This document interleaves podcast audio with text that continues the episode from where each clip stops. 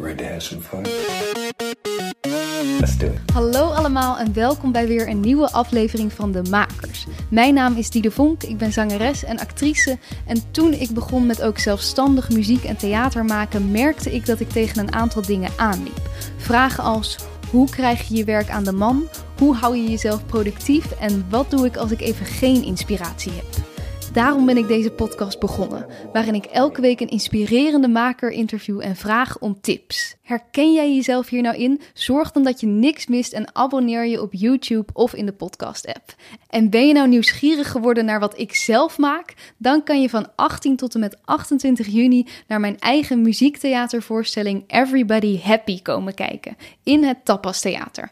Tickets via tapastheater.nl en het is al bijna uitverkocht, dus zorg dat je er snel bij bent. Ik werd daar trouwens vorige week door Paul de Leeuw over geïnterviewd bij Cultuur in Actie, dus mocht je vast een uh, voorproefje willen zien, dan uh, kan je dat even opzoeken. Dan over de aflevering van vandaag. Ik spreek vandaag Judith Vissers, een schrijver, kunstenaar en zangeres. Ze studeerde af van een musicalopleiding, maar merkte dat haar hart ergens anders lag. Onder een andere naam, Tante Agaat, begon ze gedichtjes en kunstwerken te delen via social media. Nu, een jaar later, heeft ze een boek uitgebracht en geeft ze cursussen via Instagram over creatief schrijven en creativiteit. Judith lijkt oneindig creatief te zijn en enorm veel motivatie en vooral inspiratie te hebben. Hoe doet ze dat? Nou, daar gaat haar nieuwste cursus over en daar zullen we het in deze podcast ook uitgebreid over hebben. Als je snel bent, kun je je nog opgeven, namelijk tot dinsdag 16 juni. Ook komen er in deze aflevering een hele hoop fijne en concrete marketingtips voorbij. En vraagt Judith op het einde mij ook nog wat vragen, waardoor ik onverwacht best wel eerlijk word over mijn makersreis en uh, de dingen waar ik de afgelopen tijd een beetje mee heb geworsteld. Misschien wel even goed om erbij te zeggen, ik heb het dan onder andere over makersblok. En toen ik het terugluisterde, merkte ik dat ik dat nogal Nederlands uitspreek. Maar ik bedoel met blok dus het Engelse woord voor blokkade. Net zoals een writersblok heb ik het dus over een makersblok. Dan kan daar geen verwarring over ontstaan. Heel veel luisterplezier. Hier is Judith Vissers. Nou, ik ben Judith. Judith Agaat. Judith Agaat Vissers. Ik ben 26 jaar. En ik maak heel veel verschillende dingen. Ik, ik durf het sinds kort kunst te noemen. En uh, daar valt onder voor mij op dit moment zingen, schrijven, uh, beeldende kunst. En ja, eigenlijk alle andere ideeën die ik tot, tot uiting breng. Dat. En je zegt, ik durf het sinds kort. In het heel kort. Ja, ja in het heel kort. Het is natuurlijk altijd ja. moeilijk, even zo samenvattend. Maar je zegt, ik durf mm -hmm. het sinds kort kunst te noemen. Sinds hoe kort is dat? Uh, nou, ik ben sinds uh, ruim een jaar ben ik eigenlijk pas echt voor mijn gevoel bezig met, nou, met dat maken wat ik wil. En ik denk dat dan in dat jaar dat het steeds meer gekomen is dat ik het nu ook wel uh, kunst durf te noemen. En ja, ik denk, nou, sinds een paar maanden of zo. Ja, sinds mijn Instagram-pagina de lucht in is eigenlijk. Mm -hmm. Dus dat denk ik, ja. Sinds je het ook naar buiten hebt durven brengen en delen met andere mensen. Ja, misschien heeft dat er wel mee te maken, inderdaad. Omdat je kan het heel erg voor je houden. Uh, en dat heb ik ook echt vet lang gedaan. En nu gooi ik juist misschien wel heel veel naar buiten. Ook dingen die niet af zijn of dingen die ik nog helemaal niet mooi vind. Maar dan vind ik het eigenlijk ook wel oké. Okay. En dan is het al een deel van kunst, geloof ik. Mm -hmm. dus daar ben ik heel erg mee bezig. Leuk. Is dat een proces geweest dat je dat soort van van je af moest schudden van oké, okay, het moet perfect zijn en het moet hogere kunst zijn? Ja, absoluut. Het is sowieso wel. Ik ben al wel van jongs af aan bezig met zingen. En daarin zocht ik ook wel heel erg, denk ik, de perfectie.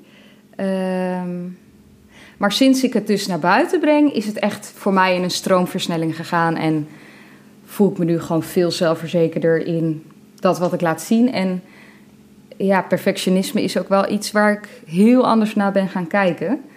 Um, waardoor het eigenlijk veel leuker wordt allemaal.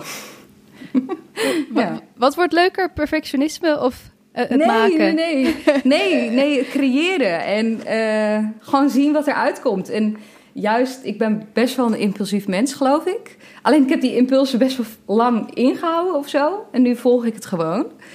En dan gebeuren er eigenlijk best wel leuke dingen. Dus ja. Nee, Nice. perfectionisme is echt iets wat ik, eh, wat ik, waar ik eerst stiekem misschien wel trots op was. Mhm. En waarvan ik nu denk, ik kan er beter anders naar kijken. En dat levert me ook gewoon heel veel op. En nu kost dat me ook niet meer zoveel energie om, om dat perfectionisme achter, achter me te laten. Wat goed. Oké, nou laten we het daar zo Ja. nog uitgebreid over hebben. Van wat het dan allemaal is wat je nu de wereld ingooit en hoe dat voor jou gegaan is. Maar ik wil heel even terug naar hoe het bij jou misschien een beetje begonnen is. Want ik las laatst dat je het soms lastig vindt als mensen je vragen wat je hebt gestudeerd. Kan je uitleggen waarom dat is? Ja, ja, ja, zeker. Ja, daar heb ik dus uitgebreid over nagedacht. Want ik merkte dat, nou ja, ik krijg natuurlijk, omdat het best wel random is of zo wat ik doe, tenminste voor, voor, voor sommige mensen, van ja, wat doe je nou de hele dag als je dan, eh, als je kunst maakt of als je bezig bent in de, in de creatieve wereld. En dat ik dan wel vaak de vraag kreeg van, ja, wat heb je nou eigenlijk gestudeerd? En eh, nou, ik heb musicaltheater gestudeerd. Ehm, alleen ik merkte gewoon dat als ik dat zei, dat dat helemaal niet meer eh, definieert wie ik ben. Ook niet wat ik wil. Ook niet per se wat ik, eh, afgezien van dat ik daar heel veel geleerd heb, maar ook niet per se wat ik kan of wat ik uitdraag. Dus dat ik dacht, ja, als ik dat dan zeg, denken mensen dan dat ik, ja, dat ik dat ben. Dat gevoel kreeg ik. En afgezien dat er niks mis is met musical, is het niet meer wie ik ben. Dus daar zat ik een beetje mee met die struggle. En ook wel dat ik gewoon buiten mijn studie ook heel veel leer. En me heel, heel erg bezig hou met, met zelfontwikkeling en met ja, gewoon lezen en dingen uitproberen. Dat Mhm. ik denk, ja, deze vraag voelt voor mij helemaal niet meer relevant. Maar ik snap het heel goed, want ja, het is toch super normaal in deze maatschappij dat je vraagt wat iemand ge- gestudeerd heeft. En Dat is wel grappig, dat hè? misschien ook een beetje zegt wie Ja. dat is. Precies, Ja. dat dat eigenlijk een, vaak soort van ons kader is waarin we dan iemand kunnen plaatsen of zo. Van, oh, je hebt dat gestudeerd, dus Ja, dan ben je dit of zo. Terwijl je inderdaad Ja. natuurlijk veel meer En- bent ja. of kan zijn dan, dan dat. ja, precies. En dat voel ik zelf natuurlijk, maar een ander kan dat niet aan mij zien. Mhm. Maar was je dan ook bang voor een bepaald stereotype wat daarbij zit? Dat mensen dan denken, oh, jij hebt dat gestudeerd, dus je doet dat? Nou, niet eens zozeer dat ik dan in een hokje word geplaatst van hoe ik dan zal zijn, maar meer dat ik denk, nu daarmee laat ik niet zien wat ik wel ben. Dat denk ik nog meer. Ja. Dus, dus ik zou liever vertellen wat ik allemaal doe. Of, ja, en daarbij trouwens is dat ook elke dag anders. Dus dat, maar ja, dat zullen meer mensen wel herkennen. En niet alleen kunstenaars, maar dat, dat je gewoon... Ja, je hebt toch verschillende fases. De ene keer vind je dat leuk en de andere keer dat. Tenminste, ik heb dat heel erg. Mhm. En dat volg ik nu ook. Dus ja, dat een beetje, denk ik. Ja, die vraag is misschien gewoon niet zo relevant of niet meer zo toepasbaar dan. Sommige mensen zijn gewoon Nee. geworden wat ze hebben gestudeerd, maar ik denk inderdaad heel veel Ja, creatieve ja. mensen ook niet. Nee, klopt. Nou, ik vond het wel grappig, want ik had het dus online gezet. Dat vond ik echt alweer een hele stap. en toen las ik iemand eronder, die reageerde en die zei van... ehm, ja, je kan misschien beter aan iemand vragen... wat, wat is het pad wat je hebt gelopen? Mhm. Toen dacht ik, oh ja, dat is best wel, best wel een coole vraag. Want dat, het heeft natuurlijk wel, mijn studie heeft wel meegeholpen aan wie ik ben. Of misschien wel geholpen aan wat ik niet wil zijn. Of, ja, of wel wil zijn. Dus dat vond ik wel, vond ik wel een eye-opener of zo. Zeker. Wat een goeie, want dat, nou, niet om mezelf op de borst te kloppen, maar dat is eigenlijk de vraag die ik altijd stel aan het begin, voordat we gaan kijken naar, oké, wat doe je nu en eh, wat Ja. doe- Maar eerst kijken naar, hoe ben je daar gekomen? Dus eh, zou- ja, Ja. hoe zou je die vraag beantwoorden als ik je zou vragen, wat voor pad heb je gelopen? Oh ja, wat verdorie, dan moet ik hem ook beantwoorden natuurlijk. Ehm, ja, jeetje, wat voor pad heb ik belopen? Nou, ik heb eerst eh, middelbare school, om daar te beginnen, heb ik VWO gedaan. Toen ging ik dus naar MBO, Musical Theater. Dat vond ik echt al wel een hele stap of zo. Dat ik dacht, oké, nu ga ik helemaal mijn droom volgen. En mensen vinden het misschien gek dat ik dan soort van naar MBO ging, terwijl ik daar wel gewoon achter stond. Eh, het zegt, zei trouwens ook helemaal niks over de studie. Eh, toen was ik klaar na vijf jaar, want ik had nog een extra jaar gedaan. En toen, ehm, ja, toen kwam ik er gewoon achter dat ik helemaal niet musical theater wilde. Ik had stage gelopen bij The Sound of Music. Nou, daar werd ik wel vrij ongelukkig van. En, ja, wat was ehm, dat? Toen Wat ik was verhuisd. dan? Wat mij daarvan ongelukkig maakte? Ja, dat je, iets wat je nog niet op je opleiding had gemerkt? Ja, ja, jeetje. Ehm, ja, voor mij, ja, ik kon mezelf sowieso niet laten zien. Ehm, daarbij, nou ja, als ik ook nu naar mijn leven kijk, hoe ik dan soms wel per dag bepaal van, nou, wat is vandaag mijn hobby en waar heb ik zin in? Doe je daar elke dag hetzelfde? Dat vond ik echt wel lastig. En ik had gewoon, ik merkte gewoon dat ik, dat ik er gewoon helemaal niet blij van werd. Dus ik voelde me gewoon ongelukkig. Dus ja, dat was dan wel duidelijk, denk ik. En ik was enorm opgelucht toen het klaar was. Nou ja. Ja, dat, dat zei eigenlijk wel genoeg. Terwijl ik echt dacht van, oh, dit is het helemaal. Mhm. Want had je En dat, dat nog niet op je opleiding zelf? Eh, Nee, want ik vond het daar juist heel erg fijn om naar een eindvoorstelling toe te werken of naar een tentamen toe te werken, omdat dat dan meer een soort van als een project voelt. En dan doe je het lekker, waar, waar misschien sommige mensen baalden van ja, maar we, we hebben het heel half jaar geoefend voor een voorstelling en dan spelen we het maar drie keer. Vond ik dat eigenlijk geweldig. ah ja. Dan komt het tot een hoogtepunt en dan, nou dan, terwijl ik eh, die laatste voorstelling heb gespeeld, dan denk ik oké, op naar het volgende. Mhm. Dus die afwisseling vind ik gewoon heel, heel erg leuk. En nog steeds trekt the- theater me enorm. Het is echt niet iets wat ik uitsluit, maar het, het moet geen sleur worden. En dan, ja, bij musical moet je ook een beetje vechten tegen de sleur. En dat kan heel interessant zijn, maar het werkt niet voor mij. Nee, mooi besef. En, en toen, Ja. wat heb je daarna gedaan? Ja, toen ben ik... Ver... Ik woonde dus in Zwolle. Of tenminste, had ik nog niet gezegd, maar ik woonde in Zwolle. En toen ben ik verhuisd naar Utrecht. Eigenlijk zonder reden. Als in, ik dacht, ik moet iets. Dus toen heb ik mijn kamer opgezegd in Zwolle. En toen dacht ik, oké, als ik hem opzeg, dan heb ik vast binnen die tijd een, een kamer in Amsterdam of in Utrecht. En toen had ik ook echt op de dag had ik een nieuwe kamer in Utrecht. Dus dat was echt heel fijn. En toen ben ik daar begonnen. Ben ik eerst in de horeca gaan werken. Dat heb ik ongeveer een jaar gedaan. En toen vorig jaar januari, dus ruim een jaar geleden, toen dacht ik: nee, ik ga gewoon stoppen met horeca. En nu ga ik gewoon proberen te doen wat ik leuk vind. En dan zie ik wel wat er gebeurt. Ook financieel gezien is dat natuurlijk best wel spannend. Want het was ook niet dat ik nou zo enorm eh, veel geld had of zo. Mhm. Eh, en dat viel natuurlijk helemaal weg dan. Ja. Maar toen dacht ik: nee, ik ga er gewoon voor. Gewoon echt even, Ja. misschien een beetje net zoals met je huis, dat je dacht, ik verbrand dat schip helemaal. En dan komt Ja. er, als het goed is, wel weer iets. Ja, ik had dat vertrouwen wel. Ik moet zeggen dat ik dat vertrouwen nu meer heb. Nu ben ik best wel veel, denk ik, iets meer bezig met spiritualiteit. En gewoon, ik ben gewoon wel een stuk positiever. Toen had ik dat misschien nog iets minder. Maar ik was gewoon zo klaar mee ook. Misschien was dat het gevoel ook een beetje. En ik werd gewoon helemaal niet gelukkig van, van de horeca. Al vond ik het wel leuk als ik er was. Maar de dag voordat ik dan weer moest werken, dacht ik: nee, dit wil ik niet. Dus het was ook wel een beetje gewoon, ik was er gewoon klaar mee. Ik dacht: het moet, dit, dit moet gewoon anders. Ja, zeker als je nog Ja. jong bent en dan al met zoveel tegenzin elke dag iets doet. Dat is natuurlijk Ja, Ja. ja. een heel naar gevoel. en ook wel het gevoel van dat ik dacht: volgens mij eh, heb ik wel, kan ik wel, heb ik wel meer te laten zien of zo. Dus dat, dat had dan ook nog wel een positief gevoel. Ja, want je zei, Ja. ik ga doen wat ik leuk vind. Wist je toen al wat je leuk vond? Nou, zingen is altijd iets geweest wat ik sowieso leuk vond. Al heb ik ook mijn fases dat ik gewoon even ruzie heb met mijn stem. Maar dat is altijd mijn ding geweest. Alleen toen ben ik opeens, tenminste voor mijn gevoel, opeens begonnen met schrijven.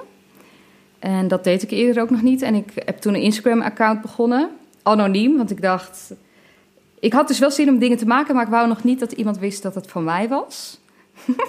Het is wel heel grappig om hier aan terug te denken, want ik moet er nu niet meer aan denken dat, dat mensen niet per se weten dat het van mij is. Want nu ben ik er trots op, denk ik. Maar toen wilde ik dat anoniem en toen ging ik gedichtjes schrijven. En, En- daar is het echt mee geopend, als het ware. En ik kan me er alles bij voorstellen hoor. Maar waarom was dat dat je, dat je ervoor koos dat het anoniem was? Heel veel schaamte. Uh, vooral heel veel schaamte. Echt enorm. Terwijl ik dus heel, heel impulsief ben. Misschien ook wel een beetje soms juist de schaamte voorbij wil. Met wat ik doe. Of wat ik wil ook misschien wel. Dus dat was een enorm gevecht natuurlijk. Dus ik had en heel veel schaamte en ik wilde buiten schommelen op een schommel. Maar ja, als je het allebei hebt, dan gaat het niet samen. Nee. En hoe lang heeft dat geduurd voordat je... Of wat was daarvoor nodig dat je, die, dat je dacht... oké, nu kan ik toch... Nu hoeft het niet meer anoniem. Ja, uh, ja dan toch wel denk ik... Uh, ja, positieve reacties. Ja, ja, uh, gewoon ego-streling dan toch wel helaas. Denk ik, als ik heel eerlijk ben. Nou ja, ja, oh, oh dat vind ik moeilijk. Maar ik denk dan toch wel dat het me... Dat is ook geen Nee, uh, precies. Dus daar, dat, dat probeer ik ook te vinden. Dus daarom zeg ik ook eerlijk van... natuurlijk wordt, als je positieve ontvangen wordt... dan, ja, dan krijg je toch wel iets meer zelfvertrouwen. En ja, als je weet dat mensen het leuk vinden ik denk dat dat wel mijn de eerste stappen naar meer in het openbaar heeft gegeven. En ik zat sowieso lekkerder in mijn vel. Ik kreeg verkering. Of tenminste, ik leerde mijn, mijn vriend kennen. Daar werd ik natuurlijk ook vrolijk van. En het ging gewoon beter met mij persoonlijk ook. Mhm. Ja. En, en die schaamte daarvoor, zit dat hem er dan ook in? Zo van, oh, ze gaat opeens uh, schrijven of zo? Ja, Zeker, absoluut wel. Zeker voor de mensen die ik kende, daarom wilde ik het ook anoniem doen. En het grappige was daarna dat ik dus heel veel had geschreven, kreeg ik daar een beetje, nou, had ik een beetje een platform. En toen ging ik opeens een liedje plaatsen en toen zeiden mensen: Oh, je kan ook zingen. En toen dacht ik: Oh, wow, zo snel gaat het dus dat mensen uh, een verwachting van je hebben of zo. Mhm. Maar het is echt, ik kijk het nu allemaal alweer zo anders tegenaan, merk ik nu maakt het me echt helemaal geen hol eigenlijk uit. Als ik morgen wil driewielen, dan ga ik dat denk ik doen. Mhm. Dus dat is echt wel een, een, ontwikkeling geweest. Ja. ja. Heb je nu een punt bereikt dat je denkt: oké, ook al reageert niemand erop, ik vind het goed? Uh, ja. Jeetje. Ja, uh, soms wel. En soms niet. Nee, ja, het ligt maar net aan weet ik veel hoe ik me voel. En soms kan ik ook denken, vind ik het, kan ik zelfs denken, ik vind het wel lekker dat, dat, dat wat ik doe, dat ik dat leuk vind en als een ander dat niet vindt, oké. En soms denk ik ook, oh, dit wat ik nu heb gemaakt, dat is leuk. En dan krijg ik geen reacties, of geen reacties, dat is overdreven, maar niet dat waar ik op reken of zo. Of, mhm. of wat ik hoop, laat ik het zo zeggen. En dan word ik opeens onzeker. Maar het wisselt heel erg. Maar over het algemeen maakt het me minder uit. Maar ja, tuurlijk komt het wel eens, mhm. wel eens wel binnen. Maar mijn handelen wordt er niet echt meer anders van. Ik denk dat dat het is. Ah, dat is een oh, maar, goed verschil. Ja, ik voel me wel... Nou, wat ik wel merk, dat ik als ik nu zo praat, dat ik wel de hele tijd denk: Oh, wat, wat, wat zit ze nou wijs te doen? Dus dat oordeel heb ik dan blijkbaar nog wel. Ja, dat je het gevoel hebt dat je nu zit te doen alsof je het allemaal weet of zo? Ja, terwijl het natuurlijk wel een ontwikkeling is die ik heb doorgemaakt. Ja, en ik vind het jammer dat ik, of moeilijk dat ik niks, dat, dat, dat je het allemaal aan mij vraagt. Oh, je mag het ook aan mij vragen. Maar ja, ja, ja, oh oké, ja. Nee, ja, oké. Nee, nou ja, maar dit is dus me een beetje hoe het gaat. Ja, in je hoofd. Dat, beetje ja. alle kanten op. Nee, ja, ik snap wel wat je zegt. Uh, dat, er is misschien ook wel een soort tendens dat iedereen zichzelf een expert vindt of zo. Maar ja, aan de andere kant. Is dat erg? Ik weet het niet. Als mensen nu naar jou luisteren en denken: Oh, wat interessant, dat heb ik ook gehad, is dat alleen maar mooi, toch? Oh ja, je bedoelt een expert op het gebied van zelfontwikkeling en dat soort dingen? Nee, ja, ik zit meer te denken van waarom, waar komt het vandaan dat je opeens dat gevoel kreeg van, oh, nu zeg ik dit, oh, maar mensen vinden dat misschien stom. Ik zit even oh, te denken, waar zit dan dat precies in? Soms moet je ook gewoon even wennen aan je nieuwe denkwijze of zo. Dat denk ik. En dat je, dat, ook, dat je daar ook eigenlijk wel gewoon lekker achter mag staan. Mhm. Ja, dus je zit gewoon nog in dat proces. Nou, blijkbaar in deze podcast wel. Terwijl als ik mijn cursus geef... Och, nou mensen, als ze, als ze dan dit horen, denken ze, nou lekker. Nee, terwijl als ik mijn cursus geef of zo... en ik sta, of ik, sta, ik geef een workshop... dan zit je in je, in je flow en dan voel je gewoon de controle. Mhm. En nu staat natuurlijk het... Nu gaat het even over mij of zo. Ja, En het is nu niet... Bij zo'n cursus kan je natuurlijk van tevoren voorbereiden... wat je gaat zeggen en hoe dat eruit komt. Ja. En nu Ja, vraag ik misschien het net weer op een andere manier... waardoor je er weer... Ja, dit nog niet in je hoofd bij elkaar hebt gekregen of zo. nee, klopt. Nee, maar dat is juist wel heel erg leuk natuurlijk. En ik denk juist, tuurlijk, het is fijn in een cursus als degene die de cursus geeft een beetje weet wat hij aan het vertellen is. Maar ik denk dat het ook fijn is als mensen nu kunnen horen van, oh, ze vindt het ook wel eens lastig. En eh, geen mens is Tuurlijk, perfect, ja. toch? Ja. Zijn allemaal zoeken. Nee joh, en de een heeft weer... eh, ja, precies. En de een heeft, vindt dit eng en de ander vindt dat eng. Nou ja, Mhm. ik vind dit dus een beetje spannend. Wat heel veel mensen denk ik ook spannend vinden, om even een heel mooi bruggetje te maken, is het uitgeven Hm. van een boek. En dat heb jij gewoon gedaan. Ja, Jij hebt sowieso Ja, volgens mij ja. heel veel dingen gewoon gedaan die mensen spannend vinden. Maar eh, kan je daar iets over vertellen? Want ik weet dat dat best wel een, een lastig proces is, het uitgeven van een boek. Hoe heb je dat gedaan? ja. Ja. ehm, oh ja, ja. eh, hoe heb ik dat gedaan?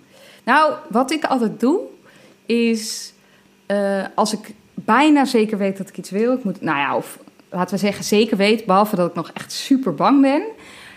Eh, wat ik dan doe, is gewoon zeggen. Dus dan gooi ik in de wereld van, hey, ik ga een boek uitbrengen. Ik heb hem zelfs ook al verkocht voordat ik hem af had. Dus toen moest ik wel. En ik denk dat dat voor mij de grootste stok achter de deur is geweest. En toen ben ik gewoon dat proces ingegaan. En toen, ja, eh, ja, ik moet eerlijk zeggen dat het voor mij, dat boek, dat voelt echt... Dat ik denk, wanneer heb ik dat eigenlijk geschreven? het is gewoon gebeurd, voor mijn gevoel. Maar als ik terugdenk, zijn het gewoon elke keer hele kleine stapjes. En dan kom je er vanzelf. Dus één stap zetten en daarna pas nadenken over de volgende stap. Dat werkt voor mij altijd wel heel erg goed. Ah, dus juist niet al van tevoren helemaal een plan hebben van oké, eh, ik moet zo'n uitgever hebben en het moet zo eruit zien. Maar meer Nee. stap, klein stapje voor stapje. Ja. ja, en gewoon vertrouwen hebben. Mhm. En een beetje bluffen misschien. Maar niet per se naar de buitenwereld, maar wel naar jezelf toe. Gewoon zeggen, ik doe het gewoon en ik wil het. En ik kan het. En eh, nou, vandaag doe ik dit. En morgen doe ik dat. Mhm. Ja, en een beetje, ja, gewoon. Ja, voor mij voelt het vanzelfsprekend, maar Ja, maar je zegt ook wel dat het wel met angst gepaard ging. Dus je merkte dat je het eng vond, maar toch bleef je elke keer Ja. een klein stapje zetten. ja, ja, dat komt omdat het me gewoon dingen die ik eng vind, dat het me gewoon een kick geeft. Ja? En sinds ik daar zo naar ben gaan... Ja, sinds ik daar zo ben naar gaan, naar gaan kijken... van, oké, dit durf ik niet. Laten we het dan doen. Ja, dan geeft het zo'n kick. Mhm. En dat vind ik gewoon heerlijk. En ik, ja, ik, ik, pff, dan, oh, ik denk dat iedereen dat heeft van, eigenlijk wil ik dit doen. En dan denk ik, oh, maar doe het dan. Dat, dat gevoel. Mhm. En dat probeer ik zelf gewoon enorm te doen. Ja. Daarom heb, ja, Wat wil je zeggen? ja, dat denk ik. Ja, gewoon dat ik denk, alles kan gewoon. Als ik een basgitaar wil kopen, dan kan het. En als ik het geld niet heb, ja, dan ga ik zorgen dat ik het geld verdien. Dus ik denk gewoon alles kan. En dat vind ik gewoon fucking leuk. dat. Goed zo. Ja. En eh, over het geld niet hebben gesproken. Een, een, het uitgeven van een Ja. boek, best wel vaak hoor je dat dat eigenlijk iets is waar je vooral heel veel geld zelf in stopt. En nou ja, je, Ja. je hoopt dat je een beetje kiet draait. Hoe heb jij eh, Mhm. daarin geïnvesteerd? Had je nog een spaarpot? Ja, of... nou ja. Nou, ehm, ik, wat ik net zei van ik, dat ik al boeken verkocht. Eh, dus eigenlijk dankzij de mensen die mijn boek hebben gekocht, heb ik gewoon de boeken kunnen bestellen. Ik heb duizend boeken besteld. Ook wel weer een beetje, ja, een beetje groots gedacht. Maar ik ben nog steeds van overtuigd dat ik ze allemaal ga verkopen. Het kost gewoon tijd. En, maar ik heb, ik heb nu kiet gedraaid. Ik heb niet precies de cijfers, maar ik heb een tijdje geleden uitgerekend. Toen had ik nog iets van 300 euro verlies. Kwam ik achter, terwijl ik dacht dat ik al wel goed zat. En nu ondertussen ben ik, ben ik sowieso daar voorbij. Want ik moest nog, nou ik weet niet meer hoeveel boeken. Uh, dat was gelukt en toen heb ik niet meer geteld. Nu is het gewoon elke keer een bonus als ik een boekje verkoop. Ja, precies. Ja. Wat gaaf. Plus, als ik nu de rest verkoop, dan, uh, dan heb ik nog geluk. Precies, dan is het gewoon cashen. ja. En, ja, maar het heeft me dus niks gekost. En hoe, uh, waar haal je dan... Uh, nou, je weet dus van tevoren niet hoeveel je gaat verkopen. Hoe komt het dat je dan het vertrouwen toch hebt om, het, om dat aan te durven gaan, dat risico? Ja, ik weet niet of je niet van tevoren weet hoeveel je gaat verkopen. Ik denk als jij, uh, als jij voor jezelf bedenkt, ik wil er zoveel verkopen, dan kan je er gewoon voor gaan zorgen dat dat gebeurt. Hoe doe je dus dat? Ook weer kleine stappen zetten. Stel, ik wil bijvoorbeeld voor, mijn, voor de eerste cursus die ik gaf, wilde ik per se 30 cursisten. En toen heb ik ja, stap voor stap heb ik geprobeerd uh, dat te behalen.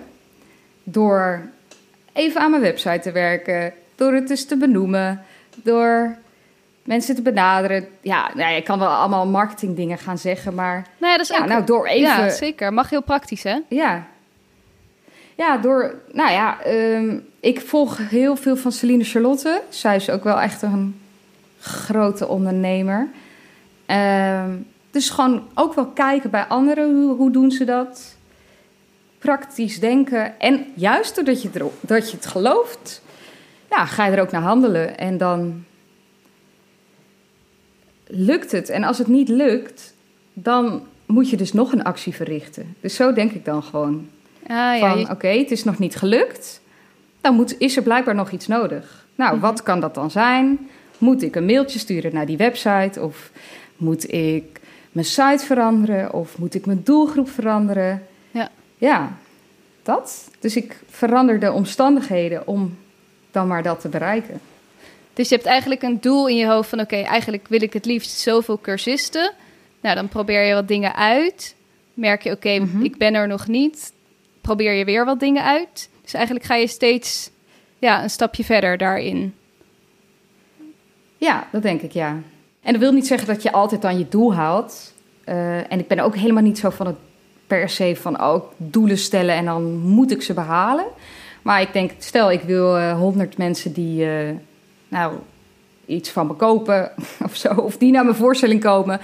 En ik heb mijn best ervoor gedaan en er komen daardoor 80. Dan is dus door het werk wat ik heb gedaan, zijn er 80 mensen gekomen. En als ik dat niet had geprobeerd, waren er 20 gekomen. En hoe hou je, want dat, dat, ik denk dat dat een hele goede is. En wat veel mensen, creatieve mensen volgens mij nu lastig vinden, is dus dat je en je creatieve kant hebt en je benoemde het al een beetje eigenlijk gewoon een soort pure marketing dingen om te zorgen dat jouw creatieve werk dus ook verkocht wordt. Is dat nou in een cursus of een boek? Hoe zorg je dat Ja. je die balans houdt tussen die twee? Ja, voor mij voelt het echt als één. En Ja? ik vind het ook heel leuk. Ik vind ondernemen ook heel erg leuk. Ehm, en juist door mijn werk te delen. Stel, ik maak een schilderij. En ik ga dat delen, omdat ik mijn kunst natuurlijk wil laten zien. Dan is dat ook al meteen marketing. Dus volgens mij is jezelf verkopen vooral een ding van jezelf laten zien ook je eigen werk het dus waard vinden om, ja, om, om te laten zien. Dus ik denk dat als ik soms, soms mensen spreek die, die kunst maken en die dan heel negatief praten over het ondernemerschap, dan denk ik, oh, dat is echt zonde, want het gaat ook over jou als kunstenaar. Of laat ik het zo zeggen, als jij durft goede prijzen te vragen en als jij durft jezelf te laten zien, dan denk ik ook dat dat zegt over, over jou dat je achter je eigen werk durft te staan. En daar een prijs aan durft te binden, bijvoorbeeld. En als je zegt, ja, maar het gaat niet om het geld, dan doe je jezelf tekort. Niet dat het om het geld moet draaien, maar met dat geld wat je verdient door een schilderij te verkopen, kun je weer nieuwe materialen kopen, kun je nog meer kunst maken. Plus, het geeft jou een, een, een, een, waarde, een beloning voor je werk. Plus, uh, geld is niet alleen een getal, maar ik zie geld wel echt als een ding van. Stel, ik heb hard gewerkt en ik verdien geld, dan kan ik daarmee ook weer genieten of investeren. Of ja, dat zijn, ja, dat zijn veel uh, concretere dingen dan alleen het, ja, het idee geld. Zo kijk ik daar helemaal niet naar. Dus je krijgt gewoon een beloning voor je werk. Precies, dan is het misschien ook minder iets vies of zo, geld. Als je niet ziet, het is helemaal, het ja, ik vind het helemaal niet vies. Nee.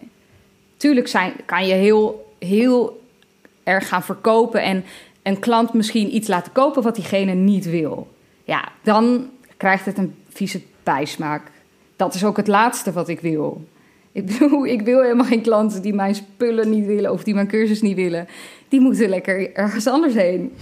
ik wil alleen maar klanten die mij willen. Maar als ze mij willen en ze worden blij, ja, hoe fijn is dat? En het begint dus wel met geloven dat jij iets hebt wat andere mensen willen. Dat jij iets te bieden hebt. Ja, maar iedereen heeft iets te bieden. Dus uh, in die zin. Uh, ja, dat is heel simpel gezegd. Maar ik denk, daar geloof ik wel in. Mm -hmm. Alleen is het voor jezelf natuurlijk soms moeilijk om dat dan te geloven. Is dat voor jou een, een ontdekkingstocht geweest dat je daarin uh, bent gaan geloven? Ja, dat is eigenlijk een beetje hetzelfde wat ik net aan het begin vertelde. Van door jezelf te laten zien, zie je ook pas echt wat je dan misschien kan. Of ja, en dan ga je er gewoon iets meer in geloven door gewoon te proberen. En soms dus ook iets stoms te maken. Dat dat eigenlijk helemaal niet zo erg is, dat het helemaal niet zoveel uitmaakt.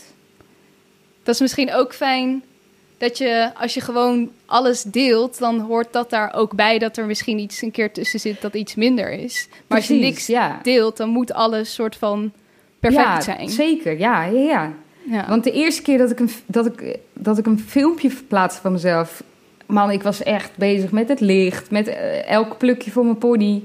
En nu denk ik, ja, nou ja, weet je, mensen gaan dit ook niet forever onthouden. Mhm. Ofwel, en dan is het ook niet erg. Ja. dus het, eh, soms moet je je, of tenminste, soms probeer ik ook te denken: nou ja, uh, niet iedereen is de hele dag met mij bezig. zo belangrijk ben ik nou ook weer niet. Mhm. Of zo. Dus ja. dat. Ook een goeie om jezelf even iets minder serieus te nemen, misschien daarin. Ja, ja, ja, echt gewoon niet zo heel serieus. Niet altijd in ieder geval. Nee. En je benoemde net even uh, Celine Charlotte. Zij is dus uh, voor de mensen die luisteren een, uh, een onderneemster die op Instagram veel deelt over hoe ze dat doet. En, um, en ik was benieuwd, heb jij een, wat is de beste investering die jij hebt gemaakt voor jouw oh. carrière, voor jouw makers? Oh, dat is een goeie. Nou, ik heb sowieso al haar cursussen gevolgd. Allemaal? En dat is best al...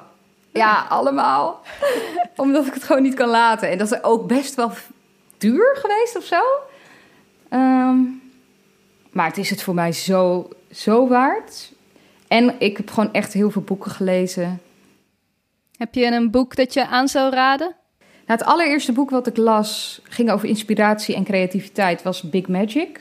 Vond ik heel erg leuk, maar dat was voor mij ook echt ja, die is leuk, hè? Mhm. Ja, ik ben hem nu ook weer opnieuw aan het lezen. Uh, maar dat was ook het eerste boek wat ik las dat ik dacht... Huh, er kunnen opeens wel allemaal dingen waarvan ik dacht dat ze niet konden. en You're a Badass vond ik ook heel leuk. Dat zijn allebei wel lichte boeken, maar het heeft me wel echt goed gedaan. Ja. ja. Ik zal ze even in de show notes zetten. You're a Badass van Jensen Zero, geloof ik. En uh, Big Magic van Klopt, uh, ja. Elizabeth Gilbert. Maar je zei net dat die cursussen wel ja, dat, dat zijn dus wel het voornaamste ding geweest voor jou. Ja, en misschien denk ik eigenlijk alleen al doordat ik een cursus kocht voor mezelf. En dat was toen de eerste keer was het iets van 70 euro of zo. Dat ik dacht, wow, dit is echt vet veel geld. En waar geef ik dit nou aan uit? En uiteindelijk gaf ik dat gewoon aan mezelf uit. En mhm. ja, dat is gewoon vet fijn eigenlijk. En alleen dat al, dat je zegt van oké, ik wil dit, dus ik ga dit doen. Daar leer je volgens mij al heel veel van. Ja, dat je jezelf ook serieus genoeg neemt om te investeren. Ja. Ja. Ja, ja, ja inderdaad. En ja, daar dat geld dan misschien uiteindelijk ook zelfs wel weer uit heb gehaald. Heel goed. Dat is de bedoeling natuurlijk ook. En nu geef je zelf cursussen.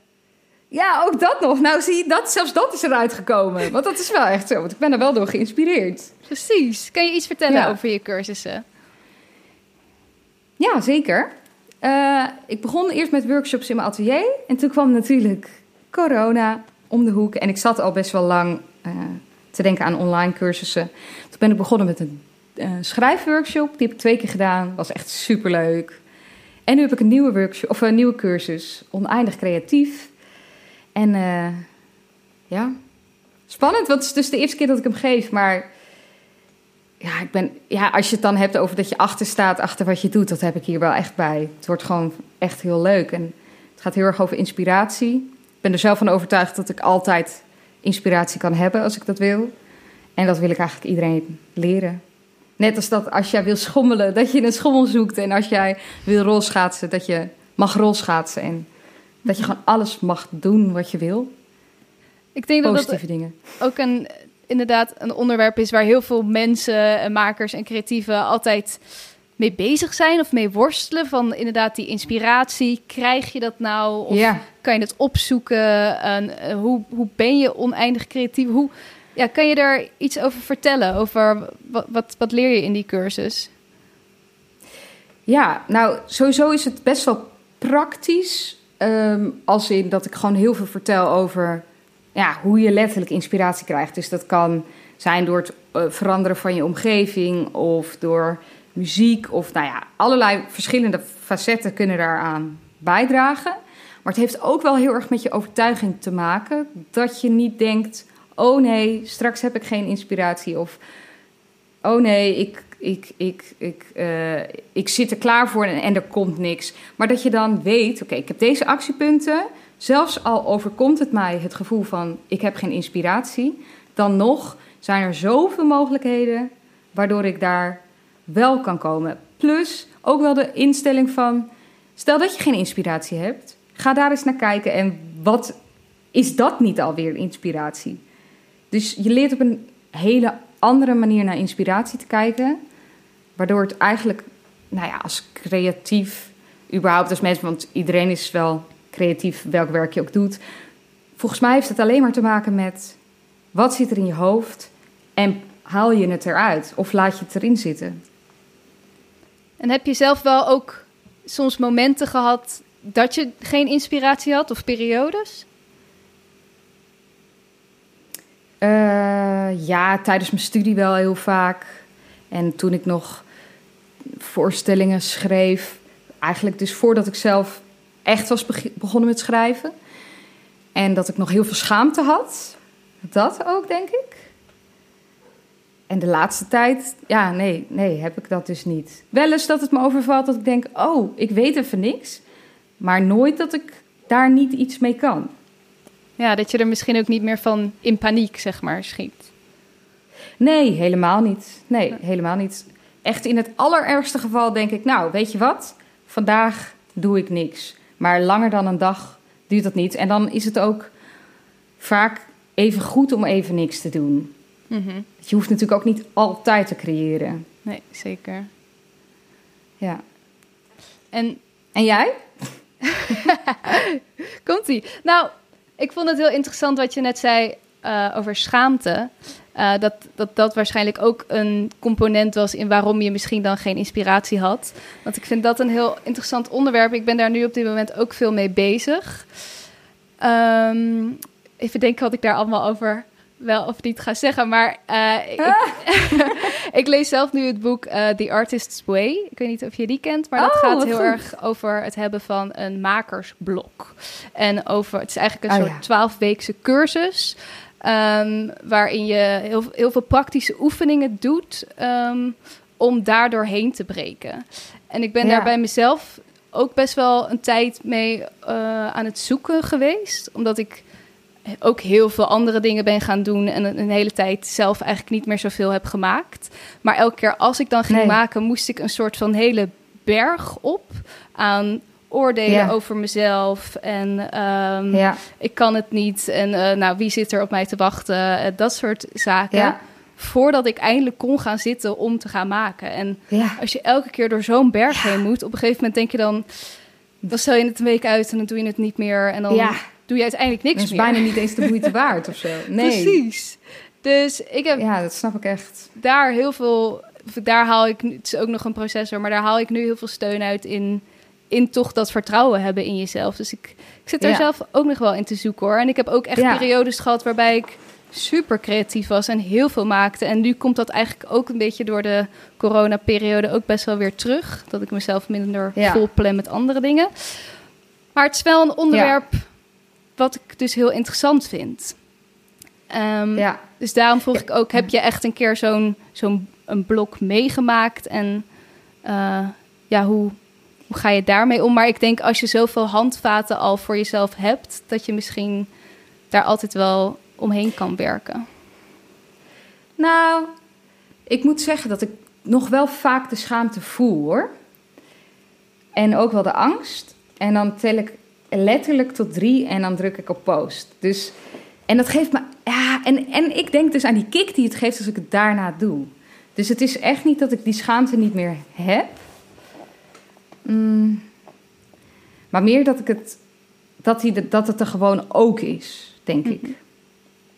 Ah ja, juist dat het er is Ja, en dat absoluut accepteren. Ja. En dat ik, ja, ja, en dat het, er, dat het er dan maar bij is. Ja. Mhm. En hoe erg is dat dan? Volgens mij niet zo erg. Cool. Nee. Nee, dat denk ik ook. hey, ehm, we moeten zo al een beetje gaan afronden. Normaal stel ik eigenlijk ook altijd Ja. nog wat corona-vragen, maar is dat nog relevant? Want we zijn al, ja, het is nu eh, 2 juni dat we dit opnemen. We zijn soort van een Ja. beetje weer uit de lockdown. Eh, Ja. Maar ik ben wel benieuwd, wat heb jij voor je gevoel uit deze periode gehaald? Van gedwongen Oh ja. thuiszitten. Nou, voor mij is er qua werk. Nou, dat is niet waar. Nou, op zich in mijn leven, om het zo te zeggen, is er, werd het niet heel anders. Omdat ik al best wel veel alleen werkte. En nou, ik fietste nog steeds naar mijn atelier. Dus dat, dat bleef allemaal. Alleen mijn zanglessen gingen niet door. Dus er viel financieel wat weg. Dus toen heb ik nou, die cursus gemaakt. Ja, wat, wat is het meeste veranderd? Ja, misschien toch weer het inzicht opnieuw van... als alles wegvalt, in dit geval dan financieel... eh, dat er altijd wel een oplossing te verzinnen is. En dat het soms ook goed is om, net als toen met de horeca... gewoon helemaal te stoppen en niet half. Niet twee dingen tegelijk. Mhm. Dat denk ik, ja. En ook wel... Nou, dat ik ook wel mensen mis natuurlijk. Ja. Ja, dat is... eh, maar dat, dat, dat is zo vanzelfsprekend. Maar ik zal het toch nog even benoemen.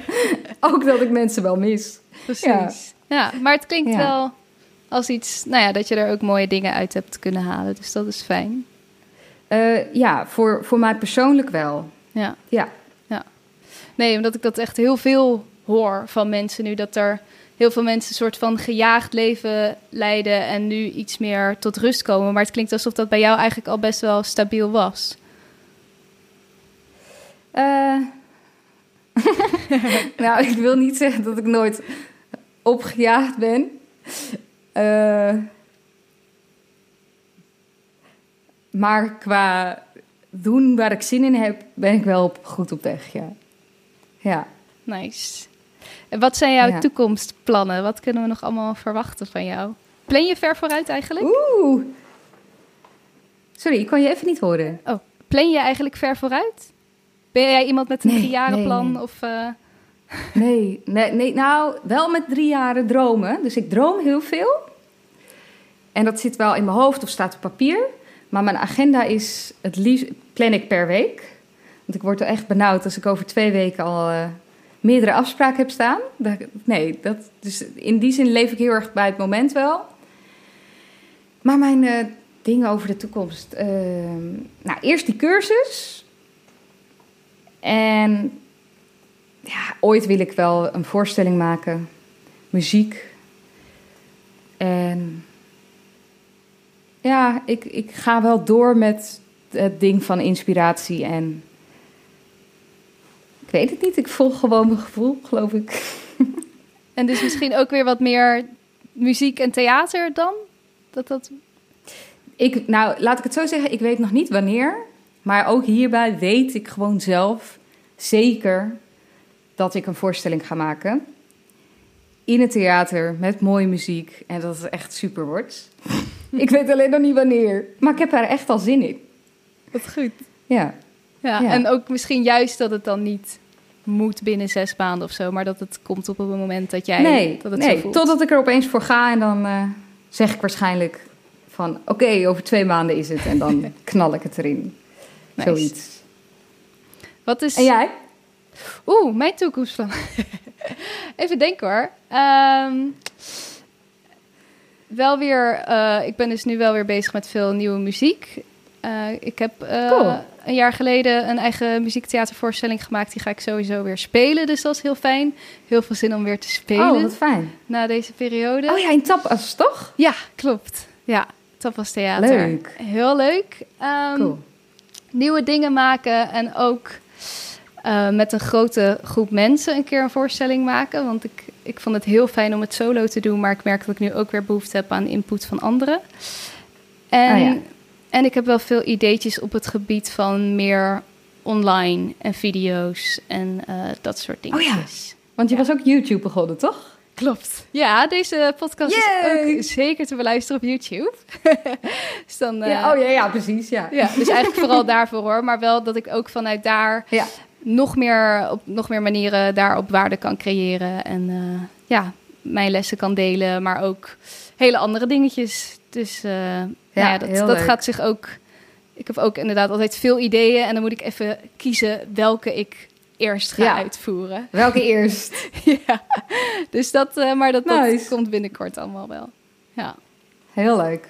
Heb jij nog een, een tip of een advies waar jij een hoop aan hebt gehad, eh, dat je mee wil geven aan mensen die nu luisteren?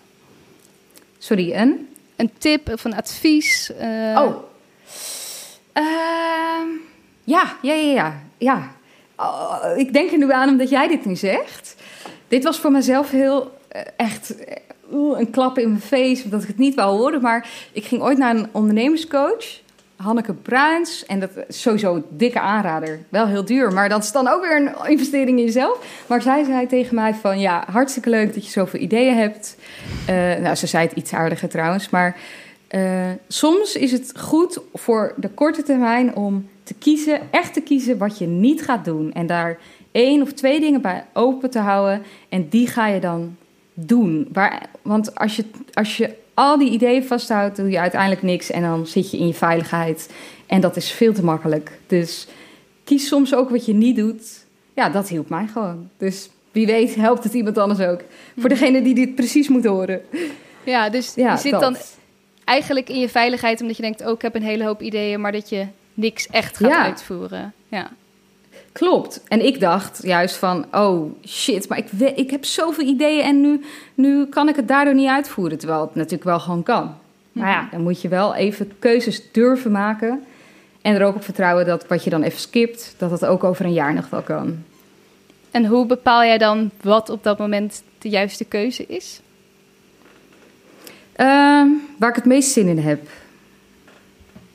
Ja, dus meer Ja. intuïtief, wat goed voelt of ja. Ja, ja, ja, sowieso. Ja. Ja. Cool. Had ik je nog iets moeten vragen? Wil je nog iets kwijt? Ehm, ja. Is er nog iets wat je wilt delen? Nou, ik weet niet. Ik hoop dat als mensen deze podcast luisteren en als ze dan iets hebben waarvan ze ook denken: Oh, dat wil ik eigenlijk doen. Dat ze dat dan nu misschien, misschien gaan doen. Dat zou ik leuk vinden. Ja. Maar. Weet niet. Maar dat is Nou vaak ja. wel zo hoor. Nee, dat is wel, niks. wel ook mijn doel met deze podcast. Dat, Ja. dat je dus inderdaad realiseert wat je wilt, dat dat kan. En dat, Ja, dat mag je gewoon gaan doen. Ja, ja. Dus nou ja, of wie weet is het een klein zaadje voor als mensen het horen en gaat het laten landen of zo. Zo, dat hoop ik. En verder, nee, ik vond het echt superleuk en heel spannend. Ik heb echt zweetokseltjes. Oh, sorry. Ik hoop niet. Ja, ik, ik weet niet of ik daar iets aan kan doen. Maar ik voel. nu, Nee, eh, nee, nee. lullig. Ligt totaal niet aan jou. Maar het is gewoon even de positie vond ik heel spannend. Maar Snap ik. helemaal leuk. Nou, fijn. Hey, Ja. en mensen kunnen jou vinden op Tante Agaat, Tante Agaat. Ja, Eh, dat is wel een goeie. Ja. eh, hoe kunnen ze die cursus gaan volgen? Oh ja, ja, de cursus heet Oneindig Creatief. En eh, je kunt het vinden eh, via mijn, Instagram, dus Tante Agaat. Of via www.tanteagaat.com of judithvissers.com. En het begint 15 juni, duurt tot en met 19 juni, dus maandag tot vrijdag. En eh, ja, alles staat op de website. En anders moet je maar gewoon even een berichtje sturen. Dat mag altijd. Leuk. Dit was mijn verkooppraatje. Hoort er ook bij. Is ook gewoon eh Ja, ruimte voor je in de absoluut. podcast. Absoluut. Nou, dan wil ik je Zeker. bij deze heel erg bedanken dat je te gast wilde zijn. En dank voor al je mooie woorden. Dat was hem weer. Heel erg bedankt Judith voor je openheid, voor je eerlijkheid. En jullie heel erg bedankt voor het luisteren. Hier de dingen die ik mee zal nemen uit dit gesprek.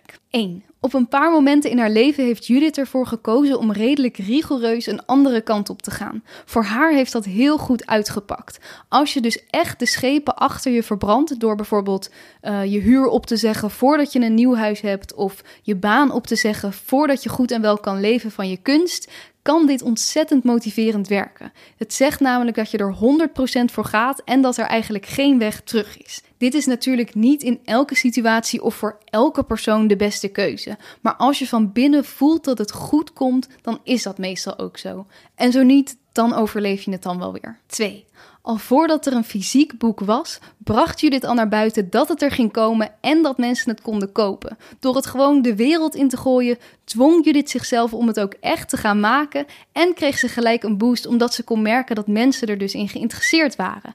Eigenlijk een kwestie van een beetje bluffen naar jezelf. Voordat je 100.000% zeker weet dat je het kan, jezelf eigenlijk een beetje dwingen om het gewoon al te doen. 3. Jezelf verkopen is jezelf laten zien. Dus als jij laat zien dat je een schilderij hebt gemaakt, is dat al marketing. Natuurlijk kun je ervoor kiezen om alleen iets te delen als het echt helemaal perfect is. Maar vaak zorgt deze instelling ervoor dat je uiteindelijk helemaal niets deelt. 4. Als jij keer op keer over je eigen werk zegt: geld is niet belangrijk, lijkt het ook een beetje alsof je indirect zegt dat wat jij doet niet zoveel waarde heeft. Maar wat jij doet heeft waarde. Jouw werk heeft waarde. Dus dat mag, nee, dat moet een eerlijke beloning krijgen. 5. Kies wat je niet gaat doen. Als jij altijd 100 ideeën hebt, kan dat voelen als iets heel fijns en zelfs iets heel productiefs. Maar het kan ook een comfortzone worden. Want als jij nooit een van deze ideeën echt alle aandacht geeft en echt uitwerkt, kan je ook nooit falen. Maar tegelijkertijd heb je dan uiteindelijk ook niks. Dus durf echt te kiezen voor wat je op korte termijn niet gaat doen.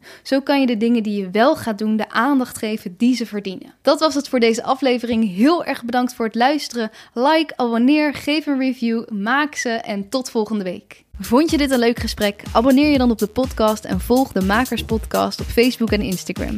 Delen en reviewen is heel erg fijn en laat het me vooral weten als je nog gasten of vragen hebt die je graag wilt horen. Volgende week staat er weer een hele bijzondere, inspirerende gast voor je klaar. Deze podcast werd gemaakt door mij, Diede Vonk, en de muziek is van David Zwarts. Deze podcast kwam mede tot stand met steun van Stichting Norma.